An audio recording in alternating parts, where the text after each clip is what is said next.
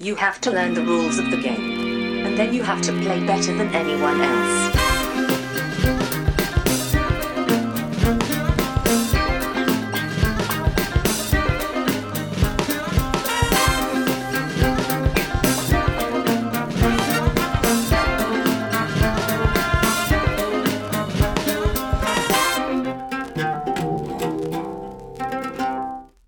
Hej och välkomna till Vems tur är det mellan turerna? Podcasten där vi pratar om spel. Jag heter Marcus Brisman. Med mig har jag som vanligt min bästa vän och kollega Storm till min drang, Johan Gärderud.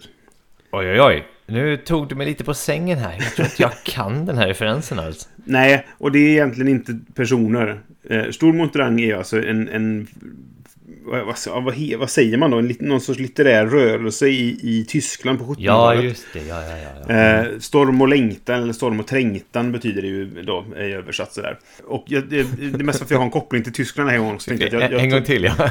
Ja, precis. ja Men ja. det, det, jag har faktiskt, det finns ju ett, um, ett superhjälterollspel som heter Godlike. Just precis. Mm. Där jag skapade två stycken, alltså tyska skurkmotståndare då, som heter Storm mot Drang. Då Storm hade väderkontrollkrafter och Drang hade då mind control-liknande krafter. För att eh, hon kunde få folk att förälska sig i henne och sånt. Okej. Så Storm och längtan eh, var det. Ja, Ja, ja. Okej. Så, eh, så jag är Storm menar du på? det, är mest, det är återigen så är det mest för att de, man säger, just, det är lättast att säga det i den Ah, ordningen det, det heter. Liksom sådär. Jag tror du hade märkt något nytt där i mitt humör som inte jag Ja. har tänkt på. nej, nej, inte riktigt så. Eh, nej, så det var, det var mest eh, slump kanske så. Men uh, Goethe var ju en av de här eh, som, som skrev sånt här. Och det påminner mig om det Ah, gamla ja. klassiska skämtet när de ska ha högläsning i skolan. Och så läser lille Pelle. Goethe var en stor poet. Så rättar fröken. Nej, nej, lille Pelle. Eh, eh, Oe, det uttalas ö på tyska. Jaha, eh, ja, försök igen då. Ja, Goethe var en stor pöt. Ja, Eh, klassiker. Men i alla fall. det är bra. Bra att vi håller Bra. kulturen vid liv, Marcus. Eller hur? Jo, men lite sådana man skämt. Jag berättade också Karl Ada-skämt idag för vår, vår dotter eftersom hon inte... Eller min sambo visste inte vem Karl Ada var. Så blev jag upprörd och tyckte att nu får vi åtgärda det lite grann. Ja, Okej, men ta ett då som inte jag har hört. Karl Ada. Ja, jag, jag tar min favorit då. Ja, Då måste man ju ta på göteborgska så här liksom. Eh, Karl och Ada, de skulle gärna gå på restaurang då va? Så kom de in och fick eh, menyn och kyparen sa ja, vad vill ni ha? Så kollade han, tittade i menyn och så sa han ja, eh, jag tar lasagne. Ja, jättebra val tyckte kyparen och så vände han sig till Ada och så sa han ja, och vad vill damen ha? Och så tittade Ada i menyn och så sa hon ah, jag tar la också sanje. den hade du sagt. Den är, den är bra. Ja, det är, men, det är ett av mina favorit eh, Karl Ada. Så jag kan inte så många andra egentligen. Den ska drar vi på, på göteborgarnas bekostnad. Ja, precis. Jag kan väl anse mig vara göteborgare Ja, det är för det tiden. Men, faktiskt. Ja. men så, jag, jag, eh, jag driver gärna med det ändå. Det är kul. Hur som helst, det här är ju då andra avsnittet i vår Essen Sweep. Så Ja, Sweep Weeks, där vi pratar om, om eh, kommande Spilmässan i två avsnitt i rad. Ja, precis. För vi, vi, peppen slog över på, på ett andra avsnitt helt enkelt. Ja, jo, men Fast de är på så. inget sätt beroende av varandra ska vi också säga. Att ni Nej, måste inte ha lyssnat på det förra innan ni lyssnar på det här. Nej, det behöver man inte göra, för de, de handlar om lite olika saker och sådär. Men, Ja. men ja, peppen är stor eh, för att ja, nu var det ett tag sedan vi åkte och därför så skulle det vara kul att eh, vi ser fram emot det helt enkelt. Men ja, vi går snabbt vidare så att vi hinner med allting helt enkelt med vår första programpunkt. Yes, box.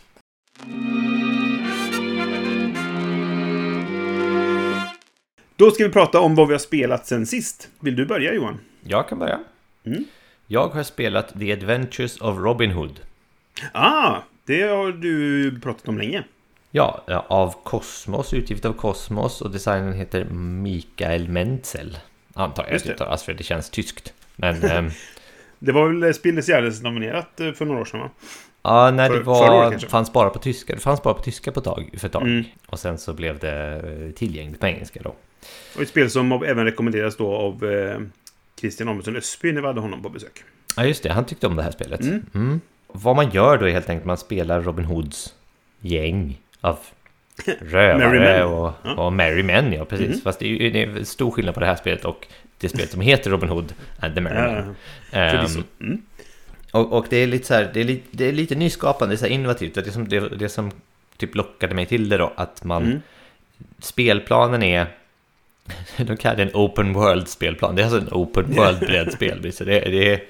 Sandbox. Ja, och vad de menar med det är att man, det finns inga så rutor eller häxar eller någonting sånt där, utan man rör sig fritt på spelplanen, så att säga. Fast så är det inte egentligen, men ehm, Fritt-ish. fritt-ish. Men vad, vad som händer är att det är en spelplan med liksom luckor på, som ungefär som en adventskalender. Och Ja, alla luckorna har typ nummer. Och där under kan det vara vakter eller prylar eller eh, folk att prata med eller någonting sånt där. Och då beror Mm. det lite på vilken äventyr man är, för det är en kampanj då på, jag tror att det är tio äventyr. Och varje äventyr har liksom en entry i en bok som följer med. Så det är typ en typisk sån här uh, Choose Your Own Adventure-bok, som typ Ensamma vargen. Och det är typ så här, ja, är du på det här äventyret och öppnar lucka 118, då läser du den här texten liksom som händer. Det är en lustig innovation, eller motsatsen till innovation, och det är att typ allting Okej. du har en påse där du har massa olika funktioner i. Så här, typ så här, när du ska dra vems tur det är nästa, då drar du en disk från påsen. När du ska försöka Ja. lyckas med en skill, då drar du en kub från påsen. Ja. När du ska, när du ska lägga till liksom vad nästa event är, då drar du en liten bricka från påsen. Okej. det är lätt att känna igen dem då, när du men allting ligger i samma ja, de påse. känns olika när du Ja, känner, rotar Exakt. runt i påsen. Liksom. Ja, okej. Mm. Men så Så har de det- olika färger då som betyder olika saker, antar jag. Exakt, precis. Då ska man lösa något form av problem varje äventyr. Och så har man då en disk av varje färg för varje spelare och diskar för ondingarna, så att säga. Mm. Så finns det en mätare som är hopp, det är hoppet i landet. Och så finns det en mätare som är tid, hur mycket tid man har på sig. Mm. Och så ska man röra, kan man då röra sig på den här spelplanen. När det är ens tur så kan man välja att interagera med en, en ruta som har ett frågetecken på sig. Alltså typ ett nummer som har ett frågetecken på sig. Eh, och då slår man upp det i boken och någonting händer. Du kan också flytta dig, vilket sker medelst ett par jag vet, trä, träfigurer som motsvarar din figur fast den springer eller går. Och du har tre Ja, det. sådana som du kan då lägga ut så här och du kan gå runt. Man kan inte gå igenom skogen. Varför skulle Robin Hood kunna det? Det är helt, det, det är ju Helt jättekonstigt. perfekt. Ja, nej, precis. Utan du kan bara gå på öppen terräng då. då. Men Ja. den öppna terrängen har skugga eller ljus på sig. Så att stannar du i skuggan så kan inte vakterna se dig om de skulle vara och patrullera där då, då. Men stannar du i ljuset då blir du ganska direkt tillfångatagen och nerklubbad. Och sen måste du då slå dig, slå dig fri när det blir din runda igen. När man vänder upp en röd kub då händer det dåliga saker. Liksom hoppet tryter och man flippar upp och ner några vakter till exempel. Helt plötsligt kan det dyka upp en vakt liksom, i, i ett område där man kanske inte trodde det skulle dyka upp en och, och, Mm. och sådär va. Mm. Tiden går också när man drar en sån. Och plus att man lägger då eh, lila kuber i påsen. Sen kan man också lägga vita kuber i påsen. Och varje gång när du ska lyckas med till exempel att slå ner en vakt, vilket är oftast det, det du gör, det är ditt skilltest, liksom, slå ner vakter. Då drar du upp till tre kuber i påsen. Och Mm. drar du en bit så lyckas du. Okej. Men varje runda då så sidas det mera lila kuber och det blir mindre och mindre chans att man lyckas med någonting om man inte på något sätt lyckas uppväga det där. Mm. Mm. Och sen så ska du då typ lösa det här problemet eller vad det är. Då. Det är vi, har, vi har spelat två av de här eh, historierna då och eh, i ett ska Lille John fly från, från slottet och i det andra så ska man hitta ett hemligt gömställe. Liksom. Mm. Så långt allt gott. Det är en sak som är jätte, jättebra med det också. Är Ja. att det är det är typ så här, reg, regelboken är typ ett blad som man vänder på och sen så är det så här, klart, öppna boken nu, alltså den här Mm. äventyrsboken och sen kör. Så finns det setup i boken, men man lär sig liksom reglerna allt eftersom Ja, man spelar Mm. spelet. Så det, Ja, det, men sånt är schysst. det är väldigt bra. Men så här, sen när man då kommer till hur, hur spelet utspelar sig så jag, tror, jag vet inte om vi vi är nog inte särskilt smarta för att vi har liksom varje gång vi har spelat ett sånt här äventyr så har vi misslyckats första gången vi har gjort det för att tiden har tagit slut helt enkelt. Det är Jo, ja. väldigt lätt att förlora hopp och till exempel om, Mhm. om en vakt skulle helt plötsligt, och det är ju slumpen, dyka Mm. upp på den ruta där du står, då fångar han dig automatiskt så du förlorar två hopp. Och du börjar Ah, okej. på kanske sju. Så det är ganska lätt Mm. att få ner hoppet till noll och när hoppet är på noll då går det två tid istället för en tid. Ja, Eh, okej. och tiden är från början, jag tror att det var åtta eller någonting på de äventyren vi har spelat. Så det där tickar ju ner väldigt snabbt liksom. Och vad som är viktigt att man gör då i början är att man liksom tittar på spelplanen och ser så här, vad har jag för ledtrådar och vad ska jag verkligen gå efter här? För att du har inte råd att göra fel. Nej. Och det är liksom, det är väldigt punishing i sådana fall. Och just det var någonting som vi har haft problem med. Alltså vi har, vi har spelat, varje gång vi har spelat det här så har vi misslyckats första gången. Ja. Så vi spelat Ja. igen, då blir det lite annorlunda. Det ska jag ge spelet. Man, man vänder upp en liten grej som gör att man kan läsa andra stycken så det inte blir exakt samma grej man spelar. Okej. Där- Första då, introduktionen misslyckades vi med. Mm. Och sen klarade vi det. Och sen körde vi det andra äventyret. Misslyckades första gången, misslyckades andra gången. Och sen bara nej, nu, nu vänder vi upp de här grejerna som vi inte tittade på för att hitta lösningen. För det vill man Mm. inte spela igen då liksom. Nej. Och det var väldigt, väldigt så här, det är typ ett 50-50 val du gör någonstans. Och, och gör man fel Okej. så blir det liksom, då går det inte att klara spelet. Det, eh, eh, nej, det verkar inte så i alla fall. Eh, så och det, jag- det här valet, är liksom, hur informerat är det? ja, men det, det är just det då. då. Det är är, det slumpmässigt nästan? Det är så här, jag, jag vill inte riktigt eh, säga exakt hur det är, men det är typ så här, Nej. till exempel, man ser ju på spelplanen vilka typer av figurer som finns att prata med till exempel, eller Mm. eh, saker som finns att leta under. Ska man då lösa ett problem så kanske man får försöka, eh, man får titta, istället för att liksom gå runt och tycka så här, men jag kan gå hit och utforska det som man gärna gör, för att det här var nära mig eller någonting sånt där. Så får man Ja. titta på helheten så här, okej, vart tror jag att det finns en ledtråd till mitt mysterium? För jag kan inte Mm. göra allting samtidigt. Och, eh, och sen får får man vara väldigt noga med att se till så att man inte står ute i en glänta. Men ibland Mm. för att undersöka vissa saker så måste man göra det. måste- och, då kan, och då kan ju Mm. slumpen göra så att du blir tillfångatagen. Så, så jag tyckte att det var, det var väldigt mycket slump och väldigt eh, unforgiving. Liksom att du gör, gör du Mm. fel eller tänker du fel då är det väldigt svårt. Och då vill man, man vill inte sitta och spela samma äventyr så här, typ så här tre gånger. Kanske Nej. inte ens två gånger trots att man har Nej, precis. så jag, jag blev inte, jag var inte jätteimponerad av det på det sättet. Jag, jag gillar verkligen hur det fungerar. Jag gillar den här av adventskalender-biten med så här man plockar bitar ur, ur spelplanen och vänder upp dem och den visar andra bilder och, och, och grejer. Ja, jag vet inte alltså. Jag är inte, jag är inte, jag är inte skitimponerad av exakt Nej. hur det fungerade sen då. Sen har ju den här lackbiten också om du ska slå ihjäl en, eller slå ner en, en vakt liksom. Jaha, ska du dra, ska du försöka sida påsen och sen dra.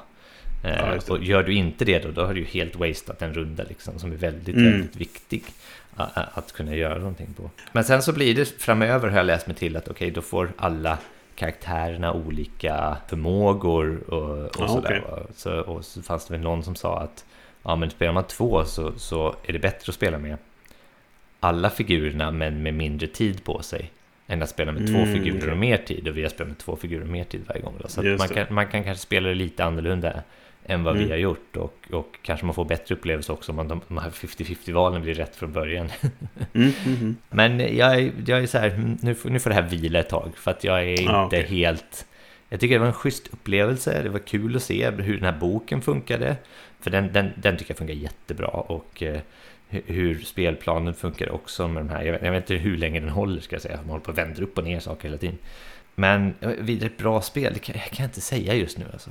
Nej, okej. Sen vet jag inte vad som har hänt när man spelat igenom alla äventyren liksom. Är det bara, ska man bara hota det då eller? Jo, men det, det är ju som det ett det legacy-spel då, Ja, eller ja, bara precis, vilket ja. som liksom sådär, ja.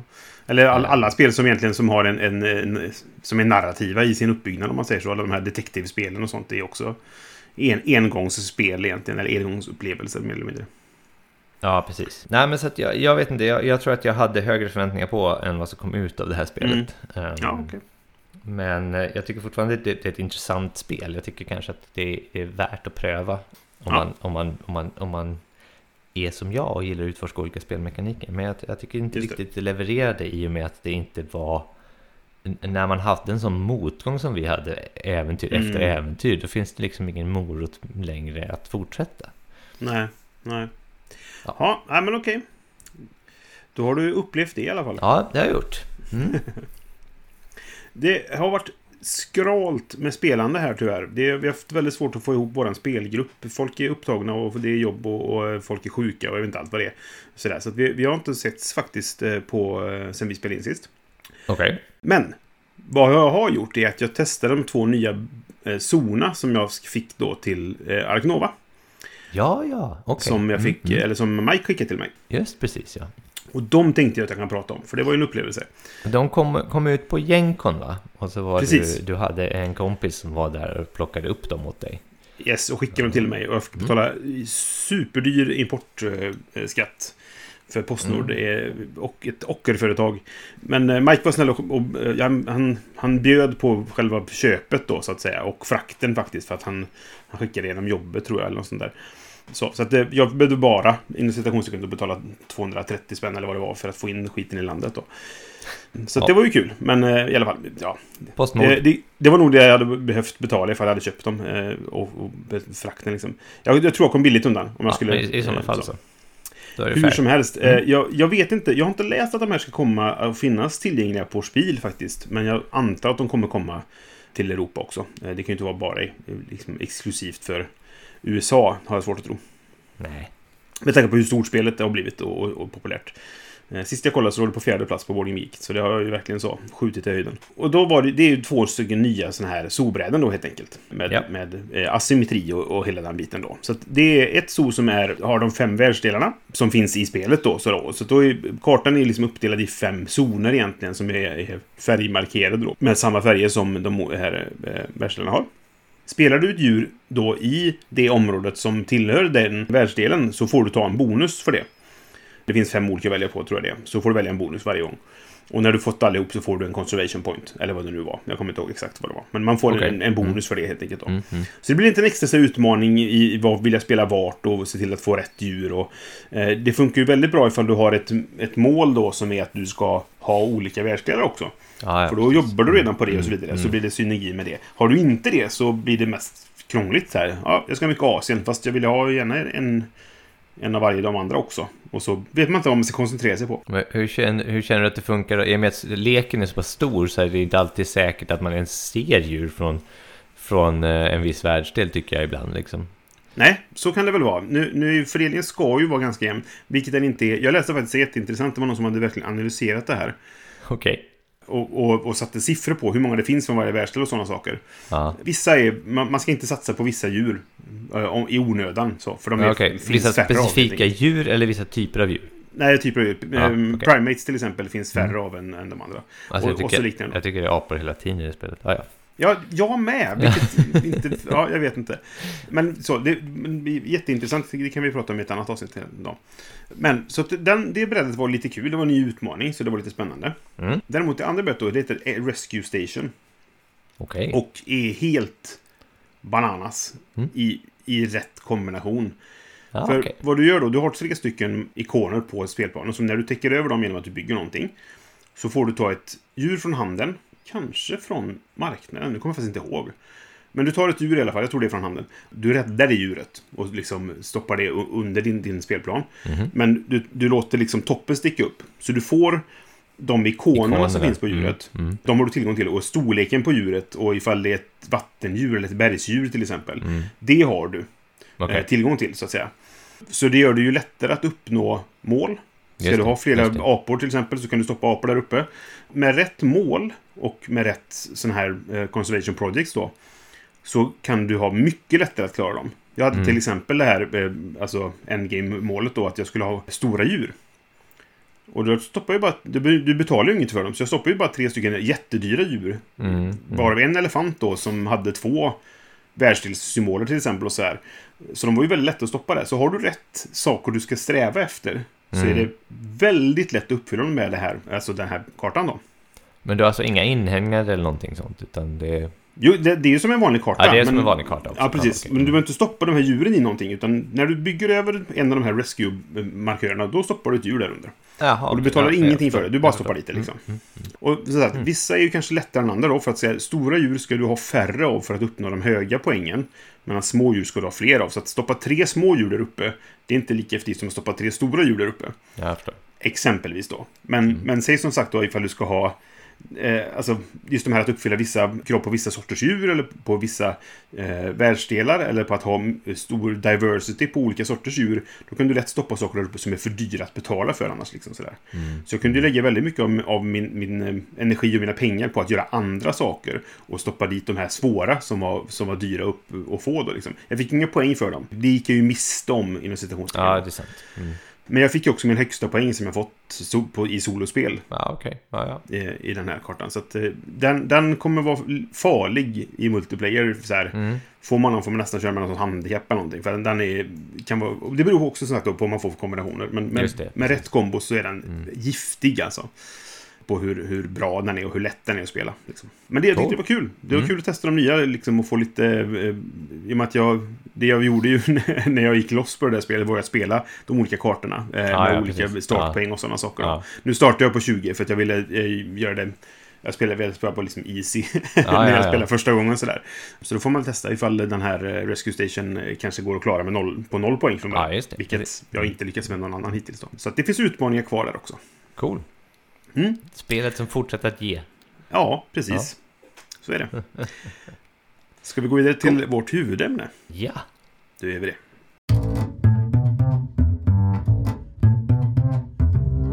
Vi ska som sagt prata lite mer om spel, men vi ska nischa oss lite grann då på specifikt någonting. Och vi ska prata om de spel vi ser mest fram emot. Och de har vi lyckats läsa oss till från det man kan kalla för preview-listan då, eller vad man vill... Vad, vad heter den egentligen? Vad är den officiella namnet på den?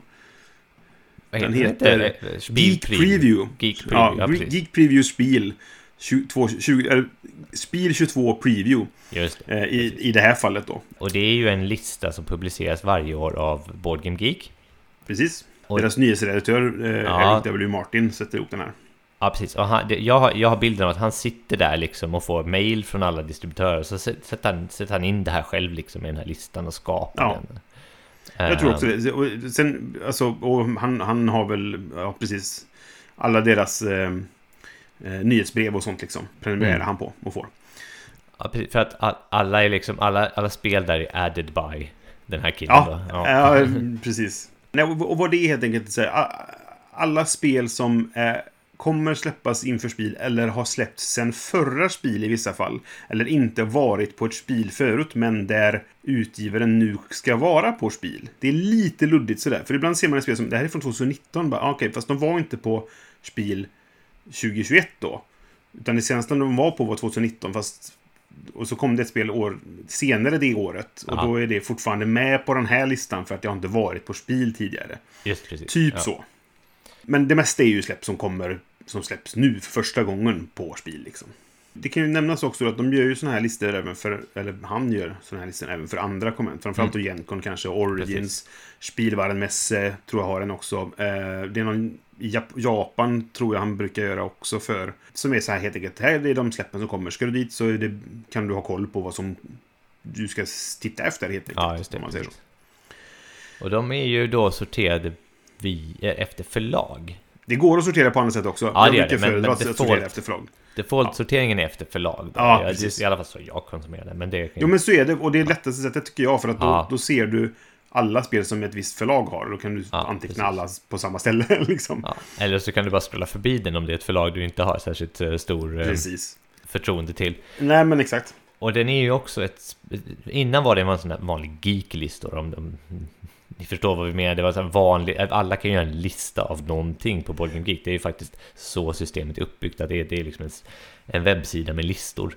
Eh, Ja, och så precis. är det då e- e- enskilda entries för spel såklart. Men eh, det här är nu, har de gjort, på de senaste åren i alla fall, så har de gjort ett eget format av lista som man också kan prenumerera på. Japp. Ja, det kan man göra på de andra listorna också, men det här är en Du preview-lista. kan och den prenumerera på allting, specifik tror jag, men ja. Ja. Vilket, ja. Men den, den kommer också med vissa filter. Den här typen av lista där du kan ställa in då för din egen, du inloggad på Board Game Geek. Då kan du alltså ställa in för varje spel hur du förhåller dig till det spelet. ja. Hur Eh, intresserad du är, ja, kan man säga. Mm. Eh, Och det kan du inte göra i en vanlig lista. så. Du kan göra andra saker i en vanlig lista. Eh, Ganska mycket olika saker. Kommentera och använda emojis och plussa och minusa. Men Ja, här, precis. här så Mm. kan du eh, välja status på din förväntan på spelet. Mellan Ja. Not Interested, Interested och Must Have. Och sen finns det också en typ Undecided kategori. Som, som Ja, precis. Ignore tror jag den heter, va? Den, om man inte vill ha den. Det kanske Eller är det, på, är det på Tabletop uh, Ja, Together? det är på Tabletop Together tror jag. Så kan det vara. Mm. Men- det, men- Snabb, snabb passus då, vi ska inte prata så mycket om Tabletop Together egentligen. Det är en likadan lista som någon annan gör. Det är en dansk som gör den tror jag.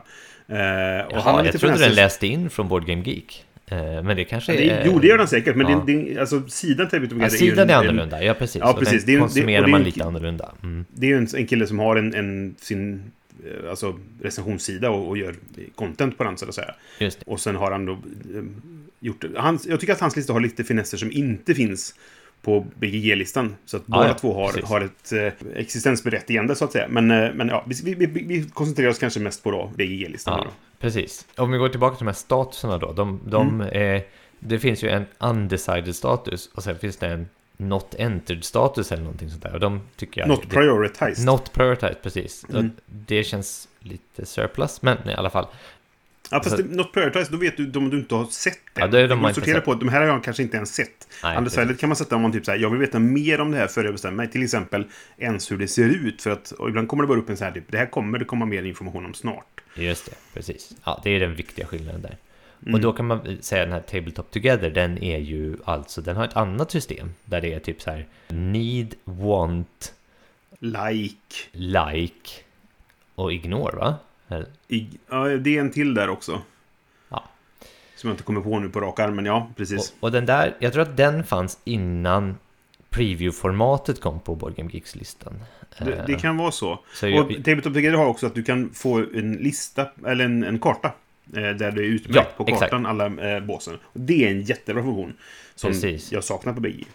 och då kommer vi in till den tredje spelaren på det här fältet och det Mm. är spelmässans egna app.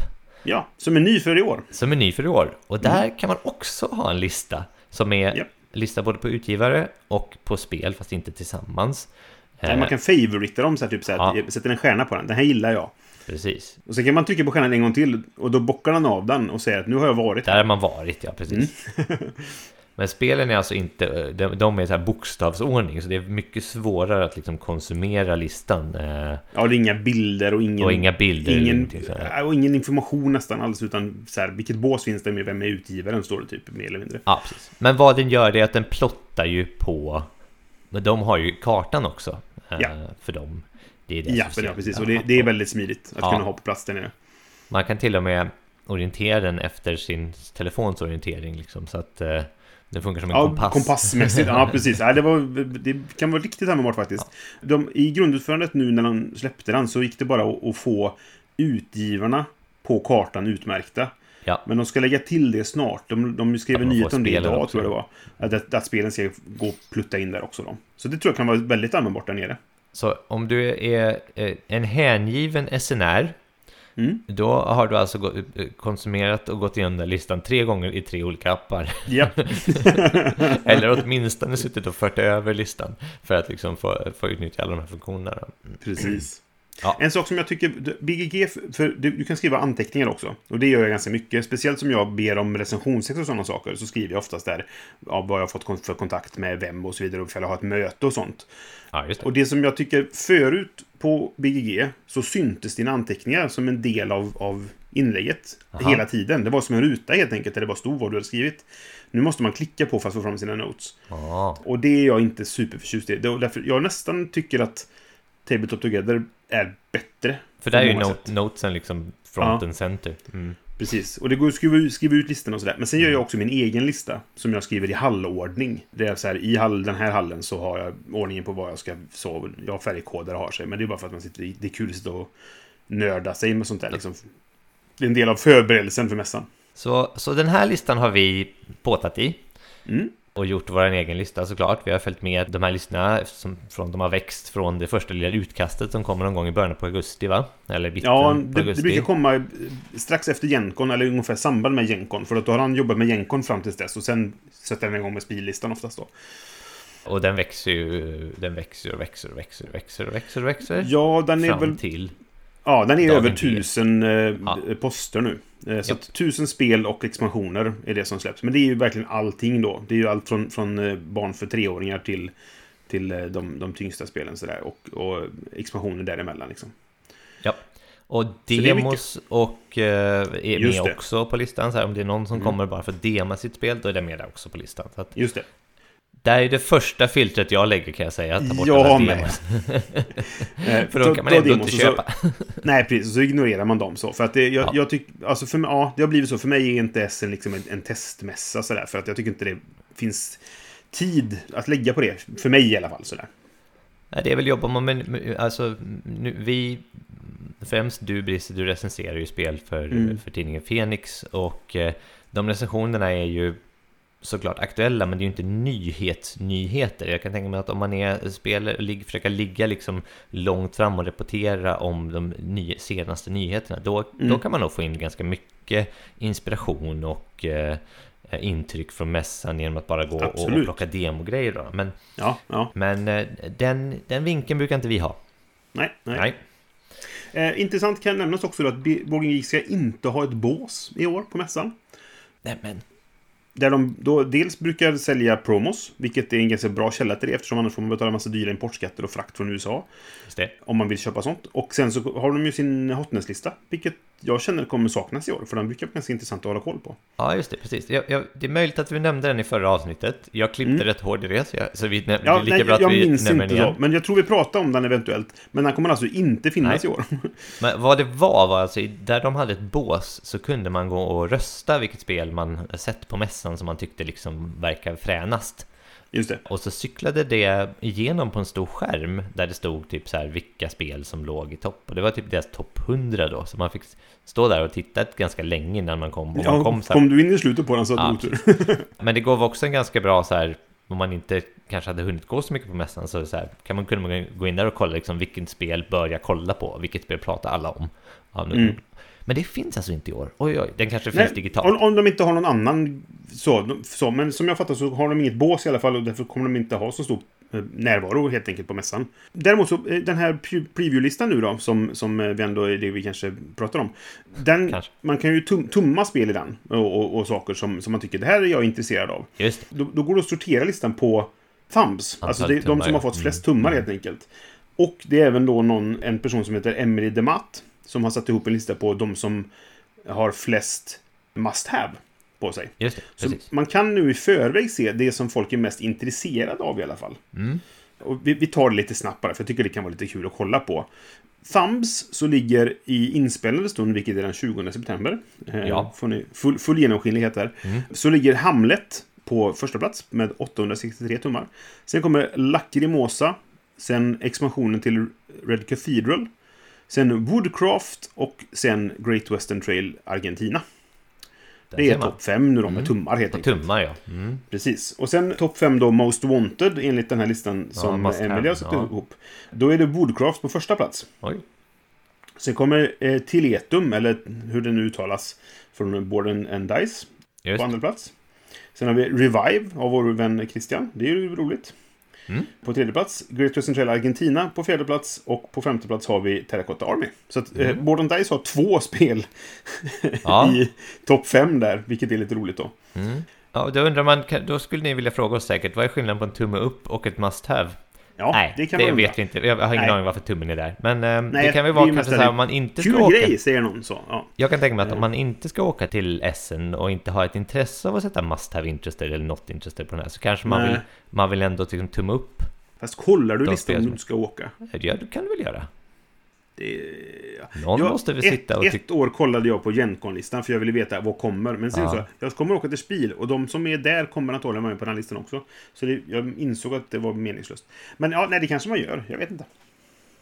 Det beror på hur ajour du vill hålla dig med branschen. Ja, precis.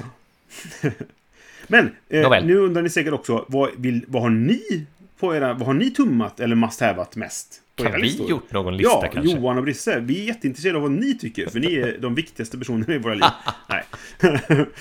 Nej, men vi, som, som eh, bekant då, så tycker vi om att göra listor. Så vi har ju Ja. såklart då satt ihop våra topp fem spel vi ser fram emot som kommer komma då eh, på Spiel. Ja, Vi har också fem bubblare, alltså spel som vi också är intresserade av, men som inte kom in på topp fem. De är utan rangordning. Ska vi ta dem först? Mm. Vi vill ju nämna dem bara lite, ja, lite så här, det här, det här är intressant. Ja, det här är intressant. Och det kanske precis. inte ens är typ så här att det här är plats 6 till 10 egentligen, utan det här är jag nyfiken på, men det kanske inte är... Jag vet inte om jag kommer verkligen älska det här eller tycka att det är jättespännande, men jag är nyfiken på det och det kan vara värt att nämna. Ja, nej, precis. Jag, jag brukar generellt inte liksom rangordna mina must-haves till exempel. För att, eh, Nej, ehm, utan, men nu har vi gjort det. Nu, men nu har vi gjort det, precis. men de bubblorna som vi använder kanske ligger någonstans där på Interested, för att vi vill kolla Ja. dem kanske innan vi, innan vi slår till på dem. Medan de som kanske ligger på den här topp 5-listan vi gjort, de kommer nog ganska De kommer säkert komma hem. Ja, men precis. Ja, ja. Nej, men precis så. Precis så. Ja. Men vi tar bubblorna först då. Jag kan börja på, på en plats. På en plats, säga ja, på din första plats, men första på en- Brisses första bubblare. Min första bubblare, precis. Det är ett spel som heter Autobahn. Autobahn. Vad handlar det om? Ja, det handlar om Autobahn. Ja, okej. Ja. Nej, men det handlar om att bygga alltså, vägverk, vägnät i Tyskland eh, efter andra världskriget. ja. Jag har kickstartat det här spelet och har SN Pickup på det. Det är därför det liksom inte hamnar på, kanske på min, min topp 5-lista då, för att eh, det är redan Du kommer köpt. komma hem med det i Det är alla fall. betalt, Ja, liksom ja. så. Mm. Jag bara att jag hämtar det där och slipper betala dyr frakt. Sådär. Så det ska jag hämta upp. Och eh, det verkar väldigt euro och jag tycker temat är roligt. Fast jag vet inte hur kul det är egentligen. Så. Men jag, jag, på något sätt gick jag igång på det när jag såg det på Kickstarter och jag valde att ge dem mina pengar. Ja, jag förstår. Mm. Ja, men jag har väl sett det då. Det verkar jättetyskt. Mm. Jo, det- pun det- intended. Ja, Men- precis. Jo, men verkligen. Nej, men jag är lite sugen på det, men det, är inte, det ligger inte... Det ligger nog... Det ligger nog mest på undecided på mig tror jag. Men jag vet ju Ja. att du kommer plocka ett, så då får jag ju kanske Ja, det spela är i ju alla fall. betalt. Ja, Jag har ja. inget val, höll på att säga. Eh, Ja. vad har du då? Ja, jag har... eh, En av mina bubblare heter Space Kraken. Ja, ah, just det. Det är ju alltså då ett Kickstarter-spel som de kommer släppa på mässan, vad jag förstått det som. Det var lite så här narrativt eh, storytelling, eh, inte storytelling, men alltså just att det fanns en story som man eh, utforskade. Inte bara lite heller. De, Nej, bara. De, de jämförde liksom med ett så Dungeons and Dragons-äventyr där det är liksom en, en typ så här virtuell spelledare som tar dig igenom ett antal scenarion och, och det handlar då om typ rymd upptäcktsresande. Och det är typ för en spel, det, det verkar lite så här roligt så att det verkar vara ett, enspelarspel. Och så har man två spelare då blir det kooperativt. Har man Mhm. tre spelare så kommer den tredje spelaren ha ett annat mål. Jaha. Och det, det verkar lite så här, lite special. Men det verkar som dess styrka ligger när man spelar det själv då. då. Ja, ja. Så att, eh, nej, det, verkar, det verkar ganska kul. Och det handlar, som jag sa, om att upptäcka olika så här, nya rymdsystem och såna grejer. Och jag är ju inne i en ganska tung expans-fas just nu. Så att, Just eh, det. Så att Mm. det här liksom faller mig lite i smaken. Och det här kan bli ett Just spel det. som jag spelar själv. Liksom. Så läste jag, läste jag en tråd på Board Game Geek där, som, någonting som jag tyckte var ganska roligt. Det var typ så här att, ja, det var någon som har skrivit att ja, jag fick använda rätt mycket liksom, resurser för att undvika att bli äten av en, eller att bli tagen av en Space Kraken.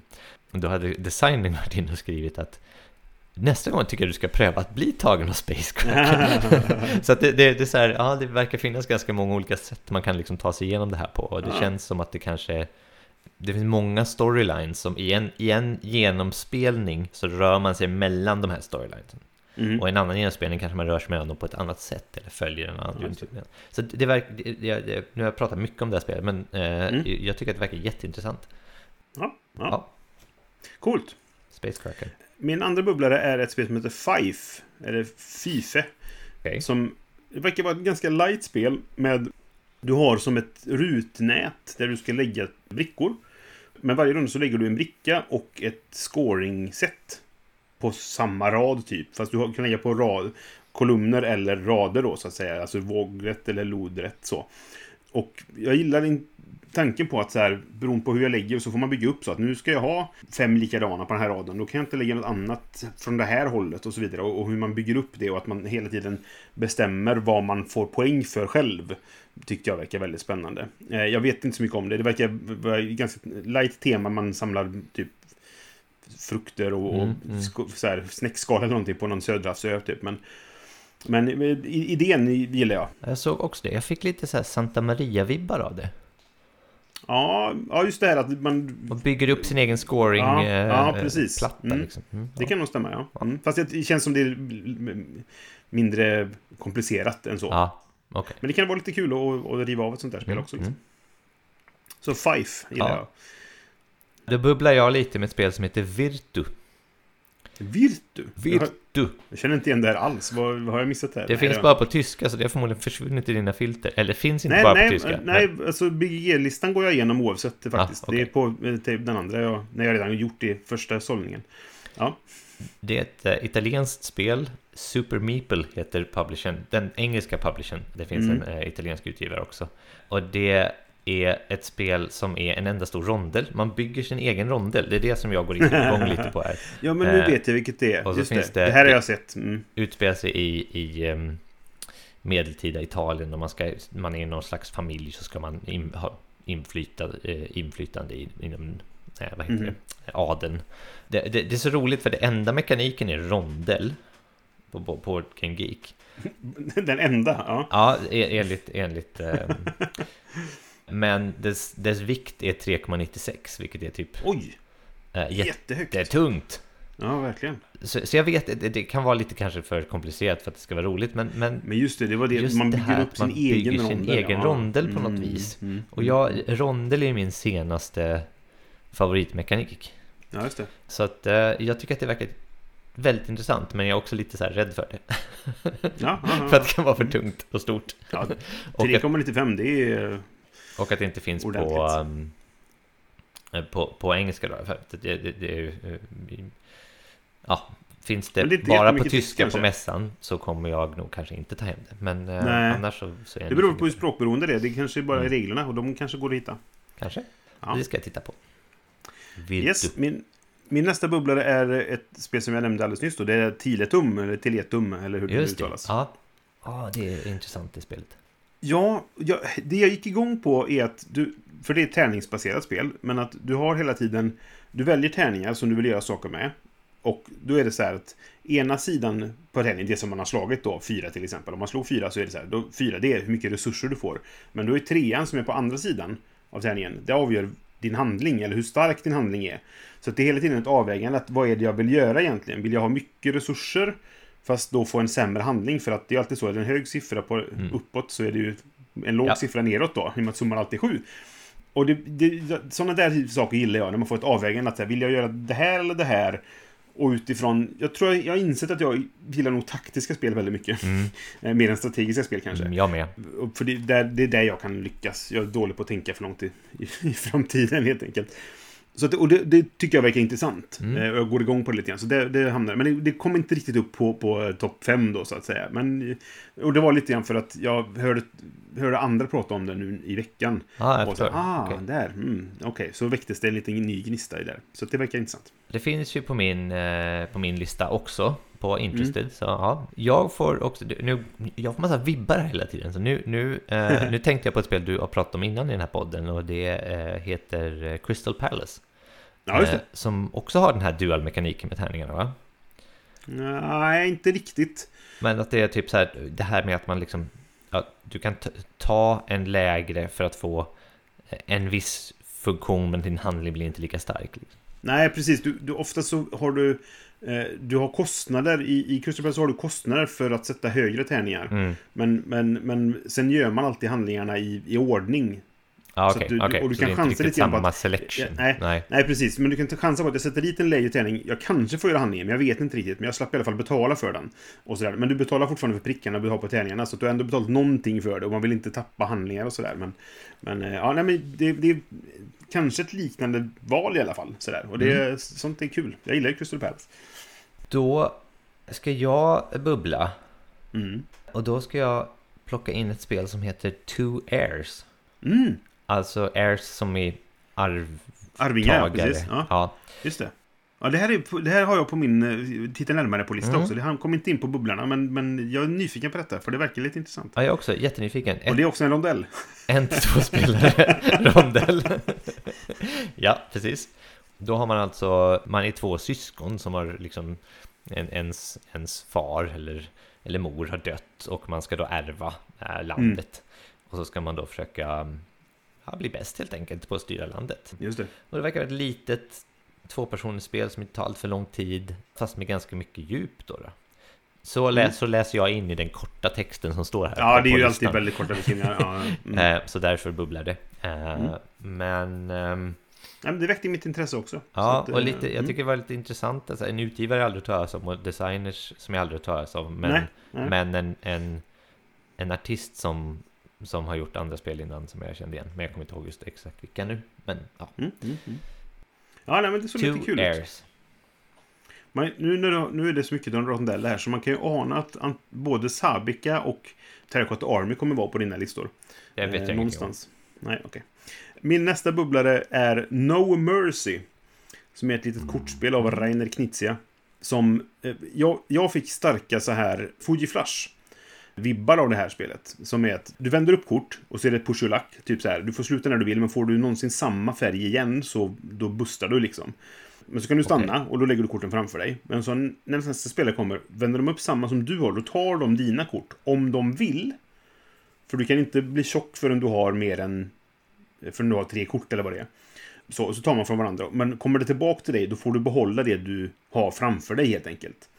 Och det verkar väldigt simpelt och det är så här väldigt matematiskt, för det är ändå knitsiga liksom sådär. Mm. Men eh, jag gillar Fuji Flash väldigt mycket. Det är inte ett seriöst spel som man får ta på för stort allvar, för då, då faller det ner som ett jävla korthus liksom. Men, Mm. men det är väldigt kul. Vi har haft väldigt roligt med det när vi spelat typ på somrarna uppe i Strömstad och sådär.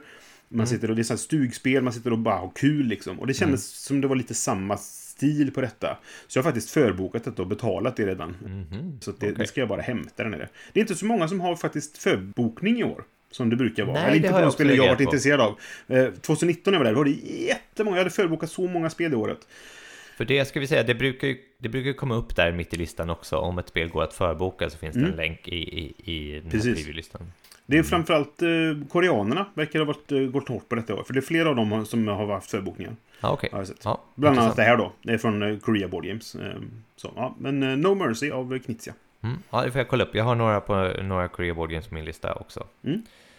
Jag brukar ju inte gå igång på Knizia direkt. Nej, jag vet. Nej. Det, det, han är ju lite en sån här... Han är bra alltså. Han vet vad han gör. Ja, precis. Det, det, det får jag ge honom då, då. men det, det brukar bli Men det lite, kanske inte alltid är lite så snyggt och och, så mycket tema. Nåväl. Vad har du Vad som har nästa bubblare? Ja, du. Nu går jag på utseende igen och sådär. Mhm. Och försöker vara lite edgy. Mhm. Så jag har ett, ett spel som heter Night Parade of the Hundred Yokai. Ja. Ja. Och det är ju då ett... eh, en yokai Night som i, i natt. Nattparad. Nattparad Ja. där det finns alltså hundra sådana här yokai. En yokai är ju en typ en här djurspirit i, i japansk eh, mytologi. Just det. Och här verkar det att man ska, man, man ska liksom samla ihop de här då, djur, Mhm. djurspiritsarna. Och... Eh, Förlåt, nu kollar jag på bilder på det. Ja, just det. Men miplarna är ju extremt söta. Jättefina mitlar. mitlar. Ja, verkligen. Super så Åh, arga eller sura björnar. Gud vad sött. Ja, Mm. okej. Ja, men där har du helt enkelt Mm. min, Ja, jag- jag eh, min, eh, Helt. mitt intresse i en liten ask för det Yes, spelet. yes, yes. det Ja, verkar det vara blev väldigt tydligt. Ganska, ganska det. kort spel, eh, man kan spela det själv och det är jättefina miplar och jag Ja. gillar ju det här med japansk kultur, spiritualism och historia. Så att det, det känns som att det kan, det kan trigga Det känns som lite. han, handen, i, eller, handen i handsken för dig. Lite grann. Kanske. Så. Kanske är lite, alltså spelmässigt kanske det inte är riktigt din, din, din typ av spel. Men, men eh, du, ja, du måste ju kolla på det där helt enkelt. Det ser inte dåligt ut, men det ser inte ut som Nej. det är så här, det här kommer jag sitta och hjärnskrynkla mig med i tre timmar. Nej, nej, nej. Men Jag blir ju lite sugen nu bara för att få de där miplarna. De var ju supersöta verkligen. Mm. Min sista bubblare är ett spel som har ett svenskt namn men är gjort av en tysk eller österrikare möjligtvis. Var det en amerikan? Om du- ja. jag tror själva utgivaren är... Ja, han kanske är amerikan. Vilket, Ja, Fika heter spelet. Jag visste att du skulle säga det. Ja, precis. Och det handlar om att fika, helt enkelt. Mm. Det, det är som vi... Det är lite unika ordet vi har i, i svenskan då, för att det, det finns få andra språk där det finns ett ord för den här företeelsen, helt enkelt. Och så kan användas på så många sätt också, för ordet Eh. Ja, fika är ju, det kan ju beskriva ganska mycket olika saker. Liksom. Precis. Det kan vara ett substantiv och det kan vara ett verb Ja. och, och så vidare. Och så Ja, vidare. precis. Och det här spelet handlar helt enkelt om att fika. Mm. Jag vet inte jättemycket mer om Ja, det, det men jag, jag blev så här, när jag hörde talas om det så tänkte jag, det här måste man ju titta på. Ja. Och jag kontaktade honom till och med och sa så här, du, ska du ge ut ett spel som heter Fika, då måste det ju recenseras som en svensk. Han bara, absolut. Okej. det, det, let's make it happen, tyckte han. Så att, då. Brisse ska gå- åka ner och ställa honom mot väggen Ja, precis. Jag är nyfiken. Jag tänkte, vi ska faktiskt ha ett litet möte Mm. där han ska få visa spelet för mig. Och jag tänkte han ska få faktiskt få, få berätta så, hur, hur fick han den här idén? Liksom. Ja, jag antar att han kanske varit i Sverige vid något tillfälle och så har han hört att och tyckte han, ha, vad kul. Och så, ja. Så det är en liten tårtbit och en kaffekopp på, på omslaget. Så, där. så att jag, ja, nej, jag, eh, jag vet väldigt lite om det. Men det är bara så här, jag, det måste vara med på min bubblalista. För att jag blev så nyfiken på det, bara på namn och tema liksom. Ja, nej men eh, den där ska vi titta på, helt klart. Jag vet inte hur bra det kan vara, men, eh, men Inte jag heller. vi får se. Ja. Min sista bubblare är ett spel, jag får tacka min vän Oscar för att han upptäckte. Det Mm. heter Beer and Bread. Just det. Det, Ja, har, det, mm, det är inte med på någon av mina listor, men jag har skrivit nej. ner det på en kolla närmare-lista. Ja, precis. Och det, det handlar alltså om... eh, Det är ett multi-use card game, alltså typ att där korten kan användas till olika saker. Det är typ ett Sånt duellspel verkar det som. Ja, det är tvåspelarspel, Ja. vilket är... Därför hamnar det inte så högt på Nej, min intresselista. du gillar inte det. Eh, Nej, men jag, jag, inte jag gillar, men Jag får, jag får sällan chansen att spela dem. Är ja. Det är Pegasus som ger ut det, bland annat. Men det finns väldigt lite information om det, kan jag säga. Mm. Men eh, vad spelar det för roll när det handlar om att eh, baka bröd och sen göra om det brödet till öl? Det finns ju också ett spel, eh, ska jag säga, eh, på SN där man ska, till här, Beer Tour of Belgium eller någonting sånt där. Man ska Ja, eh, åka runt i Belgien och, och, och, och pröva massa öl. Så det känns lite som Mm. ett en litet tema det här. Det, det är och festivaler liksom i år. Men eh, Ja. vi har kanske anledning att återkomma till det. motståndsrörelser har jag också spa, en spaning från min sida. Ah, okej. Mm, mm. Nu är Maki inte så nytt då, men två, två spel kommer på den här mässan om, om motståndsrörelsen i Holland respektive eh, Spanien. Just det. Mm, mm. Ja, sidospår. Ja, and nu, bread. nu Ja. fick mina men- neuroner koppla lite grann innan jag förstod vilka spel du pratade om. Men okej, jag, jag tror jag är med. Mm, Resist och någonting orange. Dutch Resistance. någonting. just det. I alla fall, Beer and Bread. Okej, det var bubblare, alltså spel Ja. som vi är halvintresserade av. Ja, precis. Ska vi gå in på spelen som vi är riktigt intresserade av? Mm, som vi förmodligen kommer komma hem med. Ja. Ja, ja jag, kommer jag inte hem med de här, då har jag misslyckats. Kan man väl säga. Ja, men du, kan, du kan ju faktiskt ta, du kan ju vara dösäker på ett spel så kommer du dit till mässan och så bara mm, nej men det här var ju inte Det- så. Nej, det kan hända. Det har hänt. Det, ja, det har hänt faktiskt. Det, det har det. Och sen, sen ska jag också säga en, en sak att ibland får man göra hårda val. Ja, ja. men ser Har du för många must have så kanske du inte kan komma hem med alla liksom. Nej, nej, men verkligen sådär. Jag, jag berättade för min sambo idag att jag hade varit duktig. För att jag hade tagit, jag gick igenom min lista idag. Och så strök jag några spel som jag var typ så här. Jag tror inte att jag ändå, de här kommer jag nog inte, de, de var på min kolla närmare på lista Ja, just liksom. det. Mm. Och jag tror att jag, jag kommer nog inte, oavsett om det inte är liksom gjort av guld, så kommer jag inte köpa det liksom så här. Och kanske inte då heller, för det hade varit väldigt dyrt. Nej, det verkar Eh, Ja, konstigt. jag vet inte hur liknelsen var. Men i alla fall. Och så tyckte jag att jag varit duktig då. Hon bara, jaha, hur många är det på listan nu? Jag bara, ja, ja. Eller, eller hon frågade, hur många strök du? Två eller? Jag bara, nej men det var typ sex, nio, ja sex stycken var det. För jag gick från 69 till 63 och hon bara, 63? Du kommer inte hem med 63 spel? Jag bara, nej, nej, nej. Det gör jag ju inte. För man, på den, av de 63 så är ju mer än hälften är kolla närmare och antagligen bara rata vid första anblicken. För det gör man väldigt mycket, precis som du säger. Ja.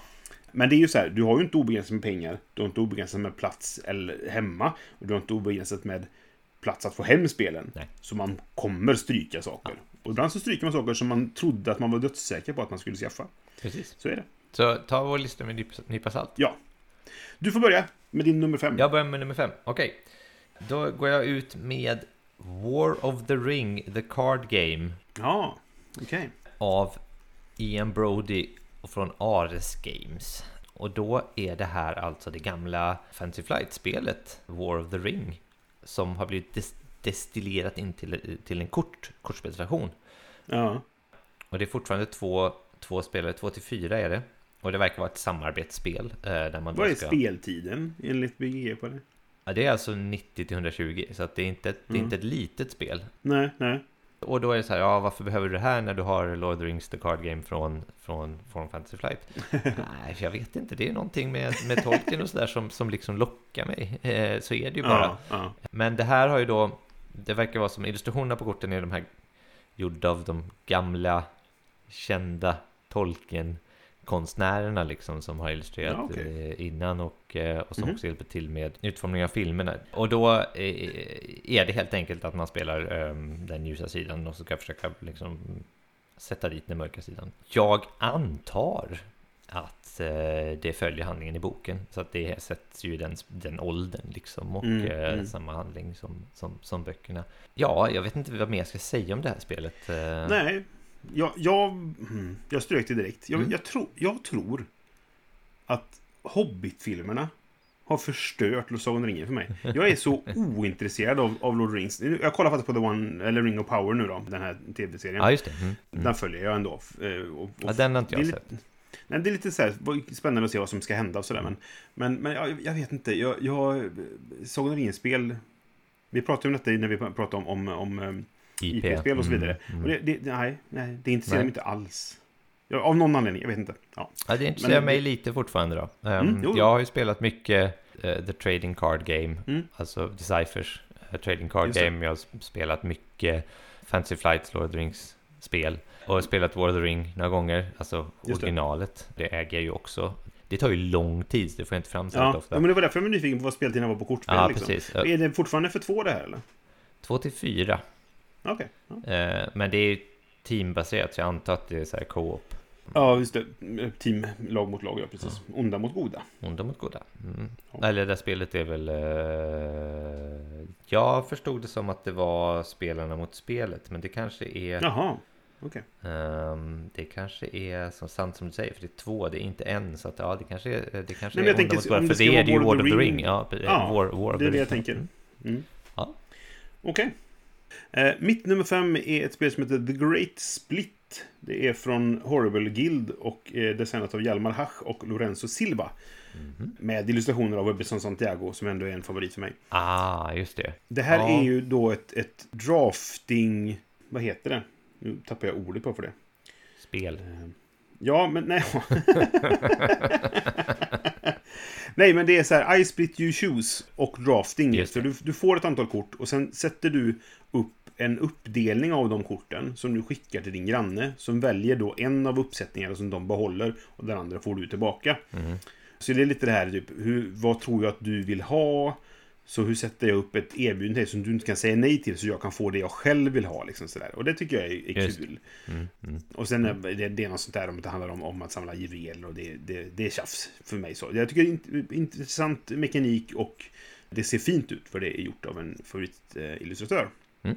Så det gick jag igång Ja, det räcker på. Och Sen långt. får man väl se hur det. Mm. Ja, men, men jag gillar, alltså, Ice Your Shoes tycker jag är jättespännande. Det är inte alltid det görs bra. Men jag tycker det är intressant och drafting är roligt. Så att, eh, ja, det ska bli kul. Jag är nyfiken på detta. The Great Nice. Split. The Great Split. Mm. Okej, då är jag på plats fyra. Mhm. Där har vi... Terracotta Army. Ja, det, det, plats nummer fyra är ju då Terracotta Army, Ja, faktiskt. Så att... ehm, Man kunde misstänka att det kanske skulle vara med. Du är ju någon sorts, Ja. som sagt, rondellfas just nu. ja, mm. Fast det är inte bara... En av mina andra favoritmekaniker är ju... Jösses, jag bara tappar ord. Spel. Förlåt, jag kunde inte låta bli. En av mina andra favoritmekaniker är ju faktiskt worker placement. Jag gillar ju worker placement-spel. Just det.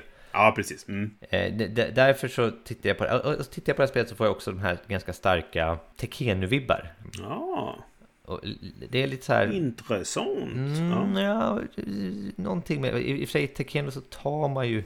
Här placerar man... Ja, eh, liksom... Ja, det, det, ser, det ser ut... Så här, så här okej. Jag ska vara helt ärlig.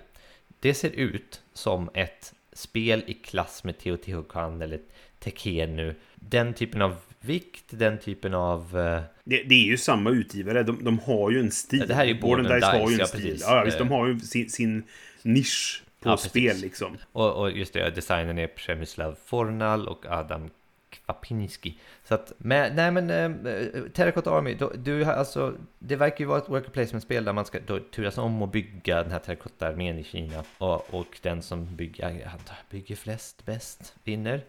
Ja, Och eh, det verkar också som att man, de olika soldaterna har lite olika effekter. Så att det är så här, alla workers är inte samma. Och just det. ska försöka skapa inflytande i mausoleet. vad, vad- nu det kan, hur nu det kan illustreras. Ja, Eh, men ehm, ja, men det, det, verkar, det verkar solitt och kul. Och som sagt, det har ett ganska stark relation till de där andra spelen som jag har bra erfarenheter Mm. av. Så att, ehm, Mm. det kommer in där och jag kommer förmodligen komma hem med det. Ja. Mm. ja, jag är nyfiken på det också. Jag valde Teletum istället för att jag, på något sätt så lockar det mig mer. Men jag tänker, har det verkligen en rondell? Ja, det är lite Ja, tre stycken. Nej, nej, det är nog inte någon. Det, du har en Action Selection som är på tre stycken cirkulära grejer. Det kan Mm. vara så enkelt att Ja. det bara är det. Mm, så kan det vara. Eh, För Ja, rondel är ju väl att man går, går runt så. Hur som helst. Mm. Min nummer fyra är Come Together. Nu är vi på festival. Nu är vi på festival. Det här är då utgivet av Chili Fox Games. Det är designat av Vegard Eliasen Stillerud, Eilif Svensson och Åsmund Svensson. Mm. Norrmän helt enkelt. Mm. Så. Eh, och Norrmän. det är festival och det är, det, är, alltså det är ju Woodstock eh, mer eller mindre, fast det sägs inte så. Så man ska anordna här, man är flera som tävlar om att vilka, vilken del av, av festivalen man ska locka folk till, tror jag, typ. Liksom så. Okej. Det verkar intressant. Jag såg en, en recension av det av några norrmän också. Vad heter de? Board Game Ramblings. Som pratade om det. Och de, de tyckte det här var jättebra. Och det... Okej. me- Mekaniskt, jag vet... Jag, jag lockas kanske mest av temat. Men det finns eh, vissa saker just att du, du placerar arbetare, men som du kanske inte får tillbaka sen. Men ju fler som går till samma plats, desto mer belöning får man. Fast det delas på flera. Det, det är lite mycket, verkar mycket så här intressanta detaljer så. Och sen är det då att de olika banden har eh, så här brädspelsrelaterade skojnamn, vilket jag tyckte det är Ja. jätteroligt. Vilket kanske bara är kul första gången man spelar i och för sig då. Sådär. Men, men, men det, det, det är en kul detalj som jag tror man kan ha mycket roligt med. Sådär. Mm, mm. Nej, men det ser jag också. Det var, det var jätte... Ja. Elif Svensson har gjort flera bra spel tillsammans med Christian Amundsen Östby. Så att jag, jag litar lite grann på hans... Att han kommer kunna göra något bra med detta då. Så att jag, Mm. jag är nyfiken på, på vad det är. Det här Chilefox är ju hans egna företag som han startade för några år sedan. Okej. Så, så att eh, ja, jag är nyfiken på Come Together. Mycket på grund av tema. Ja, jag tyckte det, jag tyckte det kändes lite, lite gimmicky. Alltså det är så här, vad, hur, vad Mm. kan man... Men jag tror inte Hur att det kan man är göra det. spel av det här? Nej, men jag, jag, jag, har öppen, jag är så här Ja, öppen, nej, open mind, som en eh, Men i- 60-tals i- hippie. I eh, Board Game Ramblings recension av det så pratar de om det att så här, det, det är jättesimpla regler. Men sen är det hur de kuggarna går ihop med varandra gör att det finns väldigt mycket att, Ah, att elaborera okej. med liksom och mycket att upptäcka. Ja, sånt gillar vi ju. Men att, ja, för så här, regelboken är tjock. Den är så här 20 si- sidor tjock, men det är fyra sidor regler. Sen är Okej. resten exempel och, Ah. och, och kl- klarifieringar och eh, setup och, och det sådana saker. Väldigt bra regelbok tydligen för eh, så här, förklaringar på baksidan och, och, och användande av liksom så. Så att det, jag, jag gillar ju spel som är enkla men med stort djup. Och det tror jag att det kan ha det här spelet. Mm. Om jag har förstått saken rätt. Påminner mig om Tapestry. Det har ju också typ Ja, bara ja, fyra sidor precis. regler och sen så... Ja, men typ så. Mm. Ja, Yes, kul. nummer tre. Sabika. Ja, Det hade du nästan kanske förutspått någonstans där va? jag sa det. Ja. Sabika och... Rondell. eh, och eh, ja, precis. Den Rondell, andra ja. mekaniken som är listad är Events. Ja, okej. Vad det nu är. Right. Eh, Jag såg faktiskt en... Var det, hmm, vem var det som spelade detta? Jo, det var um, Paul Grogan såg jag spela detta. Okej. Vad Och det verkar kul. Mm, ja, Mm. Han hade gjort en där han spelade på flera. Det här var en, en solo playthrough där han spelade samtidigt som han läste reglerna. Ah, ja. Eh, för det var så här, han, Ja, bara, slängde ihop en, en stream för att han hade haft en jobbig dag. Så han bara, "Äh, jag kör något enkelt idag. Jag, jag lär mig allt eftersom. Ni får stå ut med det. Så, så jag såg, och jag såg inte hela så. Men det verkar intressant Mm. att man ska bygga saker och, och ehm, det finns mycket så här, ja, men på, på olika sätt att få poäng Ja. på som sätts för varje spel då liksom. Och det, det är utgivet av Ludonova. Designen är German P. Millan. Tror jag. Sådär. Vi, vi, Japp. vi har ju redan eh, belyst vår förmåga att miss, missuttala eh, namn i tidigare avsnitt. Så är det. Och det handlar alltså då om att bygga Alhambra, va? Eller eh, de här, Ja, eh, den här eh, palatsträdgården eller vad det är. Det är jättesnyggt. Och här har du de där tre rondellerna som du sökte förut. Så det är Mm. alltså tre rondeller som, som interagerar med varandra. Till, Men när jag såg, Ja. nu, nu såg jag inte hela då, men jag fick känslan av att var det så mycket rondell här också? Är det inte också återigen bara cirkulära arbetarplacerarplatser? Eller flyttar Ja, du det- faktiskt det återstår grejerna på, på ju- rondellen? Det återstår att se. Jag antar att... Mm, Frågan är står ifall att det de här med tre- rondell har blivit lite flytande. Det, det, står, det står ju de tre rondellerna eh, liksom Mm. interagerar med varandra då. då.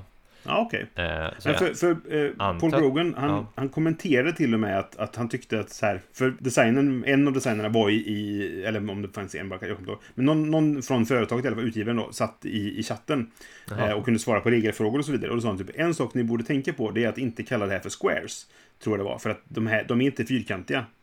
Okej. De är ju som cirkelsektorformade liksom så. Och han tyckte att det blev förvirrande. Men det var väl en språk... eh, En översättningsfråga kanske. Snarare än en spelteknisk Det fråga. återstår att se. Men um, Ja, jag vet inte. Sabika. Mm. Ja, jag är nyfiken på det också. Mm. Inte tillräckligt nyfiken för att det ska hamna på min lista. Nej, men så, det, har vi, det har vi då etablerat, ja. Mm. Yes, min nummer tre är Lacrimosa. Jaha, okej. Det här har jag eh, flugit runt här. Men Ja. det flög också bort. För att eh, Ja, ja, temat... Eh, men eh, Nej, jag, Berätta. jag kollade inte så mycket på det. Sen så läste jag mer om temat och blev plötsligt väldigt nyfiken på det. Det är utgivet av Devir. Det är designat av Gerard Aseni och Ferran Renalias. Eh, ber om ursäkt för uttalet. Det handlar alltså om Mozart har, har dött. det. Hans änka ska skriva hans, en, hans memoarer, eller han, en, en, en bok om honom. Eh, Hon vill då dessutom att, att någon, a.k.a. spelarna i spelet, ska färdigställa hans sista verk då. så var det. Eh, Som då var en, den här, en Lacrimosa som är en del av ett Requiem. Okej. Som jag fattat det. Så det, det du gör i spelet är att visa för hans änka att jag är, var hans bästa kompis. Vi var så tajta, jag och Mozart. För vi reste runt och så får man spela man då helt enkelt tillbaka i tiden när man kan visa sig här, vi var ju i Frankfurt och åt Schwarzwaldtårta. Kanske inte så, men typ liksom så här, vi gjorde Okej. detta tillsammans Ja, och vi, vi var så intresserade av musiken och så ska man dessutom då sätta in instrument i tonsättningen och vad det nu är sådär. Och Okej. jag tycker att temat är så roligt. Okej. och Ja, om man går lite väldigt- djupare på det, på storyn som du säger där, Ja. då låter det faktiskt roligare än att ja, du ska skriva klart Mozarts sista verk. Det tycker jag är kul i liksom sig. folk Men sen dessutom då att det, det, nej. Ja, men att du, så här, dessutom då eh, eh, ska återuppleva så här, ja men vi, vi, vi, gjorde detta och detta och hon bara, ja, ni verkar vara så goda vänner. Det, det, du ska, poängen man får i spelet är väl då att man får så här, får skriva klart hans verkpoäng om man säger så. Ja, okej. Typ. Jag, det, jag vet egentligen ganska ytligt exakt hur det funkar då. Men, och sen känns det väldigt euro-aktigt. Men, vet du vad du har? Du har multi-use cards. Ja, ja. Mm. ja de där här. multi-cardsen alltså. Mm. För du har, du har en, en lek på nio kort som du varje runda drar fyra ur, eller vad det är. Och så väljer du hela tiden, för du har en övre handling och en undre produktion. Och så väljer du vart du vill lägga var och så vidare. Och så kanske du planerat fel då. Nej, nu drog jag det som jag skulle haft förut. Ja, då får jag väl producera med det här då, vad det nu kan vara. Ja, men mycket temat jag gillar, men verkar också vara, finnas en del intressant spelmekaniskt. Okej. Yes, nummer två. Då är vi på tvåan. Ja, där har vi ett spel som heter Merchants of the Dark Road. Mm, mm. Det har en hurv med mekaniker. Ja, Bland annat rondel. så, så det är lite så här, jag, jag pratade om jag pratade om Golem här i, i, i eh, ett tidigare avsnitt. Det hade ju också det. ganska många mekaniker som interagerar med varandra. Så det intressanta här tror jag blir att se hur de här me- mekanikerna in- interagerar med varandra.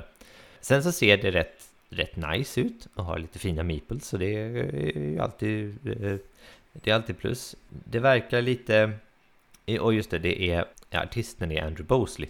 Som är lite av en av mina favoriter. Det har vi också pratat om innan. Han gjorde Everdell bland annat. Det är från Elf Creek Games och- och designen är Brian Sure. Sure? Ja, Sure. Ja. Mm. Ja, han lyssnat i alla fall. Och vad det är då är att det är mörkt i landet på den här platsen där det är typ um, ljust ett halvår och sen är det mörkt ett halvår. Och under den här säsongen så är det farligt att vara ute och handla på vägarna med några tappra själar kör sina droskor fortfarande. ja, ja. Så ska man då eh, leverera varor helt enkelt. Producera Mm. och leverera varor via sin karavan. Ja, så mycket har jag förstått. Det, det, jag har inte förstått mer av spelet egentligen. Men, eh, men av någon anledning så triggar det här mig. Så att... Ja. ehm, ja, Jag, jag var lite nyfiken på det. Kanske framförallt för att Mike gillar det här väldigt mycket. Och då, blir jag, så här, då vill man ju kolla upp vad det är. Liksom, sådär. Men jag har nog inte riktigt fastnat för det. Och så så jag, det, det är inte med på min lista alls. Alltså inte ens undecided. Jag, jag ignorar det. Mm, ja, men, men ja, som jag tror jag sa det. Vi, köper du det och vi ska spela det på hotellet så jag är gärna med för att Ja. testa det gärna. Ja, men jag, jag ska titta på det, men det är ju som sagt nu tvåa på min, på min must have-lista, så att det blir nog kanske ett köp på den här då. Mm, ja. Nej, men det är, det är någonting mer som liksom så lockar, eh, lockar mig. Mm. Spännande. Okej. Min nummer två är lite fusk kanske då, för att det här är ett spel som egentligen inte är nytt. Det är från 2000 egentligen. Men det är en nyutgåva av ett spel som jag äger och gillar. Och lite grann var min inkörsport till Euros. Sådär. Eh, och det är Princess of Florence. Ja, du tog med ett Eh, sånt, okej. Mm, ja, jag, hade, ja. jag har ju också ett sånt i år. Ett, ett, ja, inte, inte en inkörsport, men ett spel som jag verkligen gillar som kommer i en ny utgåva. Men vi kan prata Ja, med den sen. ja. Det kan vi ta sen. Mm. Men, men ja, nej, det, och så här, det här är ju sånt ett spel som jag det, har, äger och har, har spelat många gånger. Men det kommer en ny utgåva som är jättefin. Och då tyckte jag att det här måste jag ju ha. Mm. Det är bara för att eh, vara tydlig då. Nu, nu kommer jag inte ihåg vilken... Är det, det är något koreanskt företag tror jag som ger ut det. Jag kommer inte ihåg vilket det är riktigt. Och det är svårt att hitta på Board Game Geek för det står alla. Det finns ganska många versioner av det här spelet. Precis, för det har kommit ut på många olika språk Mm. och så här. Det, är, det är från 2000 så det är ganska gammalt då. Det är i alla fall det är eh, designat av Jens Kristoffer Ulrich, Rickard Ulrich och Wolfgang Krämer. Och det, det är ju ett, ett spel som det, det är väl inte så här världens bästa speldesign. För att det, det anklagas ofta, eller för att så här, lite som i Ticket to Ride där man kan dra nya tickets. Så bara, ah, den här var jag redan klar med, klart. Liksom så, där. så kan du här då dra nya works för att du, du ska hela tiden locka till dig konstnärer genom att eh, bygga deras eh, byggnaden de behöver, friheten de vill ha och eh, någonting som de vill titta på medan de arbetar, typ en park eller en jonglör eller vad det kan vara. Sådär. Okej. Eh, Jonglörerna är allm allmänt höjer eh, eh, statusen på alla works. Men, men så, typ, och då kan du så här, senare skaffa fler works. Och då kan du typ, ah, vänta, jag har ju alla sakerna som behöver detta. Klar, liksom sådär. Och det, Så du det, där du menar finns en alltså att- svaghet. Du menar alltså att e- ett museum generellt borde hyra fler jonglörer för då blir verken inuti museet mer intressanta för folk? Ja, för det, det, du är inte ett museum här, utan du, du, du är ju en prins då som vill helt enkelt främja... Alltså det är konstnärer och vetenskapsmän och sånt. Du vill visa att eh, jag har pengar nog att stötta eh, folk som eh, gör saker. Men ja, ja typ så är det. Ja, okej. Men det, du har en auktionsfas där man skaffar vissa saker och sen gör du saker i en annan fas och så vidare. Men det som är den twisten som gör det här spelet för mig riktigt intressant det är att när du gör ett work och de blir svårare och svårare för du måste nå upp till en minimigräns för att få göra ett work varje runda. Så du måste hela tiden kämpa på att bygga ut. Du kan inte bara göra, fortsätta på ungefär samma inkörda hjulspår utan du måste bli bättre. Så. Men det intressantaste är då att när du gör ett work så väljer du så här, okej, ja, det här var värt 23 poäng. Men vill du ha några pengar också så får du konvertera poäng till pengar. Ah, Nu! Just det. För sen är det för sent. Liksom. Och det tycker jag är jätteintressant. För det är så här, okej, hur mycket behöver jag nästa runda? Vad vill jag göra då? Och, så, och det, det, det är det som jag gör det kul då. Och sen är det, den här nya utgåvan är jättefin. Den andra utgåvan är inte ful heller så, men det är väldigt fint då. Så det, det, här, det här vill jag ha. Mm. Korea Board Games var det, kollade jag upp lite snabbt. Det är det, okej, ja, bra. Mm. Nej, för det, det gick inte att förboka tror jag, fast okej. det vi sa om koreaner förut. Så det, det här kan bli så att det blir mitt första stopp, för att Ja. risken är att de inte har med sig så många, i och med att de, de har väl begränsat med fraktmöjligheter och sådär då. Så att det Precis. kan bli så att det här blir det första jag går till bara för att se till att jag får det. Mm. Mm. Ja, Fast inte etta på min lista. spännande. Nej. Mm. Nej, men jag förstår. Jag förstår. Vilken är etta på Ja, din min etta då? Ja, kommer du ihåg jag sa att jag brukar inte tycka om eh, Reine Knizia? Ja, Han har ju alltså då gjort spelet som etta på min lista. Någon regel får väl ha, ett, får väl ha undantag. Ja, ja, ja. ja. Ja, spel som heter San Francisco. ah, just det, just det, just det. Det är eh, utgivet av Rebel Studio och design som sagt Rainer Knizia. Och det är ju då ett spel om att bygga spårvagnslinjer i San Francisco. Och inte bara spårvagnslinjer, som, som när din spårvagn växer så bygger du också olika typ skyskrapor och landmarks i San Francisco. det. Så det är så här Mm. urban planning game. Lite så här nästan SimCity-stuket ser ut som. Med jättefina små pappmodeller av så kända byggnader i San Francisco. Och du har ju lite av en koppling till San Francisco också. Ja, jag bodde ju där ett litet tag och eh, känner till staden rätt bra. Så Just att, det. eh, det känns ju som att det förhöjer en del. Ja, det gör ju faktiskt det. Men sen så tänkte jag, jag borde ju också ha något Rainer Knizia-spel. Så att det kanske är dags, dags nu liksom. Ja, skaffa Eh. ett liksom. Ja. Ja, precis. Så det eh, hamnade högst upp på min lista och det tänker jag plocka. Mm. Spännande. Och det är ett um, 2-4 spelarspel runt en timme. Ja, verkar, verkar, verkar schysst liksom. Och det kommer vi säkert spela där nere i Essen då. Mm. Om inte annat. Så att, eh, nej, San Francisco av Rainer Knizia är det jag gått mest igång på det här året. Det hamnade inte på min lista. Inte alls faktiskt så. Och Jag, jag gillar ju Knizia, men jag gillar ju Knizia bäst när han är när han är ganska enkel. Ja, Små designer, kortspel och, och så här enkla saker gillar jag med honom. det- matematik det då- och grejer. Mm. Ja, och så. Jag tyckte det här såg väldigt plottrigt ut, det här spelet. Jag tror inte jag gillade utseendet på själva spel... eh, Omsidan är väldigt fin. Eller omslaget. Men, men eh, jag, jag, någonting gjorde att jag bara, nej, sådär. Mm, jag tycker ändå det ser lite crunchy ut. Så att, eh, ja. Jo, men jag, mm, jag vet inte. Det, det är inte min favoritknizia, är inte crunchy kni- knizia. Nej, nej. Det är här man som man kan sätta på en t-shirt. Crunchy knizia. Crunchy knizia. Mm, och ge till honom på mässan. För han brukar ju vara där. Ja, ja du kan springa runt med, med fluga och så vidare. Ja. Ja. Nej, men, ja, det, jag jag, jag, jag, återigen, jag testar det ju gärna ifall det blir så att vi spelar det på hotellet då. Så, så är jag jättegärna med och provar. För att eh, det, det, det går sällan fel med Knizia. Men det är inte riktigt min... min Nej, det är lite så jag tänker också. Det, är så här, Mm. eh, eh, det går sällan fel med honom. Att då, eh, ska jag hem med ett bra spel så finns det stor chans att jag gillar det här. Liksom, så tänker jag. ja, ja, ja. ja, kul! Ja, vad är din etta Eh, Brisse? Min etta är Revive. Mm. Som då är från Aporta Games. Med design av Christian Amundsen Ösby. Eilif Svensson, som vi redan nämnt. Han är med två gånger på min topp 5. Ja, Och dessutom då Anna Wärmlund och Helge Meissner. Så, men det här spelet, det handlar ju också då om, det utspelar sig 5000 år efter människans civilisation gick under. Och man, har, va- 5000. man är en del av en stam som har bott under marken, men nu ska ta sig upp på ytan igen då, och utforska den och, och, och återbygga den. Revive, Oj. kanske då, eventuellt. Ja, det eh, påminner så y- mycket. Ytan. påminns mycket om ett tips jag har haft tidigare. En bok som heter Seven Eves. Läs den. Ja, ja, Mm. ja. Nej, så, och sådär. Och jag gillar ju Aparta Games väldigt mycket. Mm. Jag vill ju alltid se vad de gör och så vidare. Och, och jag tycker att det här verkar jätteintressant. Återigen så har jag sett då, och då Board Game Ramblings göra en, en recension på det. Jag har sett Rado spela det. Och det verkar jättebra. Ja, Faktiskt.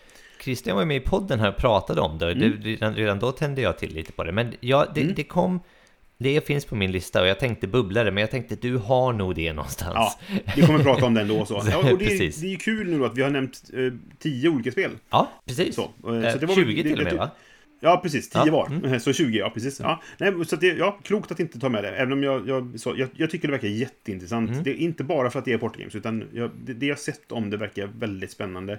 Med hur man väljer handlingar och du kan göra handlingar mer effektiva och, och ja, ja, det verkar, och så utforskande och, och man hittar ju artefakter från förr och sånt. Och det, det, jag gillar ju postapokalyptiskt. Så att, Ja. eh, mm, Ja, jag, jag är mycket tycker, nyfiken på Revive. jag är så här, det ser lite hmm, kladdigt ut, tycker jag. Ja, spelplanen är inte jätteläcker, ska jag säga. Det finns också en kampanj i det. Det påminner ganska mycket om, eh, alltså ytligt kanske bara då, men om det här eh, Cloud Age. Mm, eh, Av Fister. Ja det Så gillar det, du ju. det, Ja, precis, det gillar jag. Men spelade igenom kampanjen och sen var jag klar med det, tänkte jag. Just så. det. Mm, Men så att jag, ja, nej, jag, jag är nyfiken på Revive. Mm. Ja, nej, men det ser ju... Jag, jag, mm, ja, jag, jag är också väldigt sugen på det, ska jag säga. Mm. Mm. Mm, så att... ehm, Det kommer jag få. Ett Ja. recensionsex av. Så att det, det kan vi spela om vi vill. ja, ja, men det kommer vi säkert göra. Mm. Ja, nej, jättebra, jättebra span där. Den, eh, den eh, ska jag eh, definitivt... Ja, du kommer köpa det. Men jag... Ja.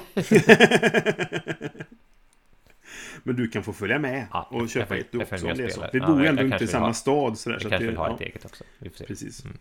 Ja, det var alltså våra topp 5-listor och fem bubblare. Ja. Så nu har ni fått 20 spel som vi är nyfikna på i alla fall. Ja, precis. Jag vill bara, nu, nu vill jag flika in en sak här. Jag Ja. vill slå ett litet slag för det här spelet jag försökte nämna innan, vad, vad gäller Mm. nyutgåva av ett spel jag verkligen gillar. Just det. Och det är ju Juraku kommer, det har jag pratat om innan här i, i, i podden, Just det. kommer i en deluxe edition eh, på eh, SN. Så det är ju såklart med på min lista. Eh, men jag tog inte Det är med med det på min lista också, för att du har pratat om Ja. det. Precis.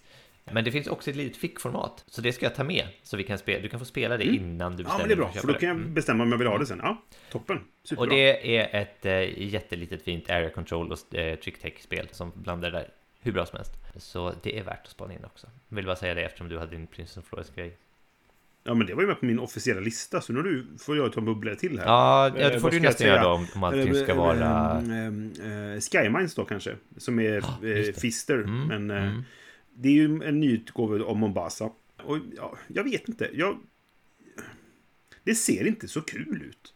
Om jag ska vara helt ärlig.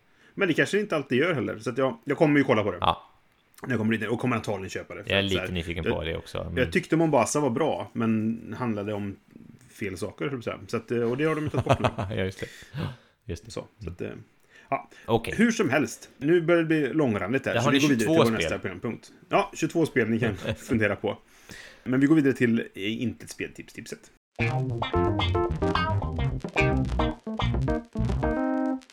Då ska vi tipsa om någonting som inte är ett spel. Mm. Nu ska jag vara sådär reservationstipsa igen, som jag gör lite då och då. Det är okej. Det är, liksom, det, det är mer en upplysning om att det här finns. Och, och det är ett tv-program, en typ reality show, Mhm. som heter Instant Dream Home. Okej. Som jag tycker är, är som jag och min, min ehm, fru har tittat på ganska mycket Ja. på senare tid. Mm. För att det är ganska lätt underhållning. Mm. Och det, det är framförallt därför jag vill tipsa om det. Så här, lätt underhållning när man är så här typ hjärndöd småbarnsförälder framåt småtimmarna Just på det, ja. kvällen. Och vad, vad premissen är då? Programledaren är en av eh, den här tjejen från Peacemaker som vi fick tips av av Christian som jag sedermera Ja, ja, tittade ja. igenom hela. Ehm, Mhm. Hon som är Walkers dotter. I alla fall, hon är programledare för det här. Och, eh, Ja, ja. Ja, hon som har varit med i eh, Orange is the New Black Orange också. New Black, ja, precis. Just det, just det. Mm. Eh, och vad kommer inte ihåg vad hon heter, det känns dåligt. Men ja, i vilket fall. Nej, inte jag heller. Men i alla fall, de, hon leder ett team av Ja, alltså det är in, interior designers, det är snickare, det är massa olika typ craftsmen för att bygga om ett hus helt enkelt. Mhm. Och vad de gör är att de lurar ut en familj ur ett hus. Så att de Mm. spenderar en hel dag borta, i 12 timmar borta. Och på de här 12 timmarna så gör de om hela huset. Vilket, och så har de en så här jättestor plan för det och massa så smarta lösningar på hur man ska kunna liksom få in ett helt badrum från, liksom, eh, och koppla på det på ett hus och, och så måla om och greja. Mm. Och då har de såklart intervjuat då de, de här, den här familjen innan så de vet lite om den. Och Ja, vilka. Fast- behov fast- de har kanske. Ja, precis. Fast ändå inte liksom revealat vad de ska göra. Så gör de det där då. Så lyckas de alltid att göra det un- under de här 12 timmarna. Och helren, de helrenoverar alltså hus. Mhm. Det, det är helt galet. De rycker ut i romträdgården, allting, allting sånt. Och, och sen så, men, men, men nyckeln i det hela, det är ju när familjen kommer hem sen. Mm. Och får se det här. Det är, där, det är därför man tittar på det liksom, och, och, och deras, deras reaktion på, på Mhm. hur det blev då. Ja, och sen så det, det är kul att se också liksom, vad, vilka materialval de gör och så vidare. Och så vidare. Mm. Men man, man sitter där liksom så här, jaha, det springer in massa folk i någons hus, tar ut alla sakerna och ställer i par Mhm. påsar någonstans. Och så gör de en massa lösningar, hamrar upp saker, bygger om ett helt kök på en dag. Mm. Eh, så här, hade det inte varit mycket, mycket smartare att göra, det tar lite tid att göra de här sakerna. När man gör såna här Ja. saker jättefort, inte det liksom, kan det inte vara ganska stor risk att det blir så här havsverk och saker börjar läcka och, och, och, och du Mm. vet, typ så här, man får problem med försäkringsbolaget senare och såna här saker. Men det. Nej, det är inte därför man tittar på det här. Och de ställer aldrig tillbaka alla de där sakerna som de tar heller, utan de försvinner. De gör aldrig badrum, så jag vet inte riktigt vad som... Men skitsamma. Eh, Ja. Men det är som sagt inte därför man, man tittar på det, utan man, man tittar på det för att se hur familjen reagerar när de kommer hem och liksom hur, hur de har Just det. löst olika lösningar för den familjen. Just det. Så det är ganska lätt underhållning så här om man inte ställer för många bakomliggande frågor. Det låter ju lite som husvarianten av Pimp My Ride. Ja, möjligt. är Jag har liksom inte här, jag sett kan dem, inte titta på ja. tv i min bil. Det fixar vi, säger ja, ja, slänger ja, de in en tv i bilen liksom så Men ja, det är kanske inte direkt sådana såna problem de Nej, nej, nej, utan men det det är typ jag. så här, Det- vi har alltså- sju barn och två sovrum till de barnen, Ja, ja. får vi plats Det här är säkert riktiga behov, till skillnad från Pimp. My Ride, där det var fejka behov för att man ville ha en fräck bil liksom. Men det, liksom- låter lite som att typ så här... Och det handlar ju också mycket om reaktioner när de fick komma in och bara Va? Det är högtalare i taket! Ja, och så, precis. liksom, ja. så, och det, kolla här snurrar och det här är ett akvarium i baksätet liksom. Ja, mm. Eh, Men ja, det låter lite roligt. Som, som, som så slö, slötitt-tv liksom. Nu lät det som min son, när vi åker buss, då ska han alltid veta vart högtalarna sitter. Alltså, Var sitter högtalarna? Ja, där, ja, där sitter högtalarna. Nu sa bussen någonting. Ja. Vad har du för härligt. tips? Ja, jag ska tipsa om en hemsida. Och då tänker jag så här, Johan, har du någonsin varit på bio och suttit så här, typ, undrar om det är en sån här scen efter eftertexterna här? Det har jag ju se någonting. definitivt gjort. Ja, precis. Och då finns det en sida som heter aftercredits.com. Där du kan snabbt kolla upp, finns det en sån här scen? Ja, det fanns det. Eller nej, det fanns inte, då kan jag gå nu. Åh, okej. Och du kan också, ifall du missar den här då, att du gick och sen bara, ah, vänta nu, undrar om det fanns en sån? Nej, jag kommer inte in igen. Då kan du läsa vad scenen var, ifall man vill spoila det för sig själv. Okej, okej. För det är flera gånger som jag faktiskt suttit där och var typ så här, på en Marvel-film till exempel, och bara, mm, nu var det en. Finns det Ja, en just till? det. Jag får nog sitta kvar hela tiden så. Och då kan man, och då, ibland så börjar man googla typ så här, och så, vet man inte, och så vill man inte spoila vad det är kanske, så man kollar inte så noga. För eh, på den här sidan då, After Credits, så är det ju dolt då tills du väljer att nu vill jag bli spoilad. Ja, okej. Ja. Så. Mm, mm. Och, så den är väldigt smart om man är lite osäker på, ska jag sitta kvar här i tio minuter till? Eller kan jag faktiskt gå hem? Mm, mm. Så är den väldigt användbar. Mm. Ganska nischat i sin användbarhet kanske så. Men, men eh, Ja, men Kan vara väldigt det var ett jättebra tips. Ja. Typ klassiskt inte ett speltips, tips tycker jag. nej, Verkligen, verkligen precis. bra. Verkligen bra. Ja, jag hade ingen aning om att det fanns. Nej, nej, inte jag heller. Tills för några dagar sedan. Och jag bara så här, det här måste in! Så jag skrev genast in det i mitt dokument. eh, för det här är ett suveränt tips. Då går vi vidare till vår sista programpunkt. Ja,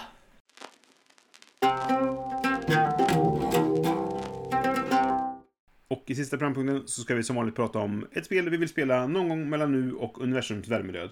Det är ju typ det vi gjort hela avsnittet. Ja, alltså, jo, alla de här precis. spelen vill vi ju spela någon gång Ja. mellan nu och, och eh, universums värmedöd. Men, men vi, vi ska ta ett till. vi slänger då, på ett till. Ja, precis. Men nu behöver vi inte i alla fall förhålla oss till, till, till årets SM Nu kan det vara vad Nu- som nu helst. kan vi det kan vara ta schack om vi vill det. Ja, precis. precis. Mm. Mm. Så kan det vara. Mm. Jag kan börja med ett spel som jag köpte eh, begagnat nyligen, som jag har varit så här nyfiken på väldigt länge. Mm. Det är från 2017, så inte längre än så då, men det är ett spel som heter Witches of the Revolution. Och det här är bara temat, för jag tror Okej. inte att det här är en bra design egentligen. Det är från Atlas Games, och Atlas Games är ganska svajiga, de gör väldigt Americ-thrashiga spel. Okej, Sådär, att okej. det, det, det är ett spel som kanske eh, eventuellt har tema först, och sen får vi se vad det blev för mekaniker på detta då, va? Man är häxor som helt enkelt ska hjälpa Alltså det handlar väl om, inte inbördeskriget tror jag. Frihetskriget, va, Det är frihetskriget, ja. Ja. Precis, mot britterna helt enkelt. Så man ska man kämpa mot britterna, eh, så, om, man, om man kan göra massa tokiga ritualer. Spelmekaniskt, jag har ingen aning om vad det är. Jag gick bara igång på temat. Jag såg någon sälja detta, jag bara, jag måste ha det. eh, för jag hade ändå, ändå funderat på det länge. Men som sagt, eh, Atlas Games har inte världens bästa track record på att göra bra spel. De Mm. kanske har spel som är kul en gång eller två. Liksom. Okej. Men jag, nu har jag det, så nu är jag nyfiken på att spela det. Och så får vi se när det blir då. Eh, kanske närmare värmedöden eventuellt då. Än, än, eh, så. För nu kommer det massa nya spel från Spiel. Men, men jag är fortfarande nyfiken på det och jag vill nämna det som ett spel jag ser fram emot att Mm. testa. Ja, bra. Aldrig talas om det spelet. Nej, jag, jag eh, såg det av en slump. Någon nämnde det i någon podcast kanske i, Ah, okej. i Ja. det här So Very Wrong About Games. För det känns som ett typiskt sånt spel de skulle kunna nämna liksom. Så att, ja, någonstans har jag hört talas om det och blev nyfiken och tänkte, ah, okej. Och sen såg jag då, som sagt, i någon köp och säljgrupp. För att eh, det, det är ju så här, de här obskyra amerikanska spelen, det är inte alltid de ens kommer till butiker Nej, i Sverige. nej, liksom, så, precis. Mm. Eh, så, ja. Vad vill du spela? Jag vill spela, jag vet inte, jag, är osäker på att jag, om jag upprepar mig nu från ett tidigare avsnitt. Eh, men Okej. skitsamma. Jag vill spela Blitzbowl. Ja, okej. Jag har ju ett Blitzbowl som jag har Mm. Övertalat en kollega att köpa från Barnes Noble i, i USA för ett Ja, par just det, för det finns bara... år sedan. Ja, Ja, mm. det kommer ett på Essen faktiskt. Jag tror att second season kommer på Essen. Men möjligen bara på tyska. Jag är inte helt hundra. Men jag har ju eh, ett i alla fall. Och jag har en, en polare också som, som är uppe i Uppsala som också har ett eller i alla fall lag. Och vi, Mm. vi har nu försökt prata ihop oss att vi ska eh, köra en så julliga. Mm. Eller julturnering i alla fall. För att vi ska få spela det här spelet någon gång. Då.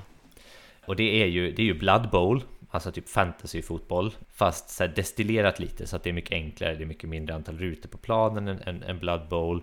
Du har fler, mindre spelare på planen eh, och... Mindre spelare eller färre för, spelare? förlåt, färre spelare.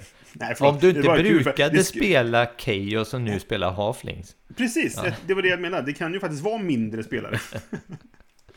ja. Ja, nej, så, och det är ett spel jag prokrastinerat lite över för att jag vill gärna måla det och jag har inte riktigt ehm, så här, småbarn och mål, målarstuga går inte riktigt ihop just nu i, i, min, Nej, nej. i min planlösning. Men nu, nu har vi i alla fall satt varandra en, en deadline.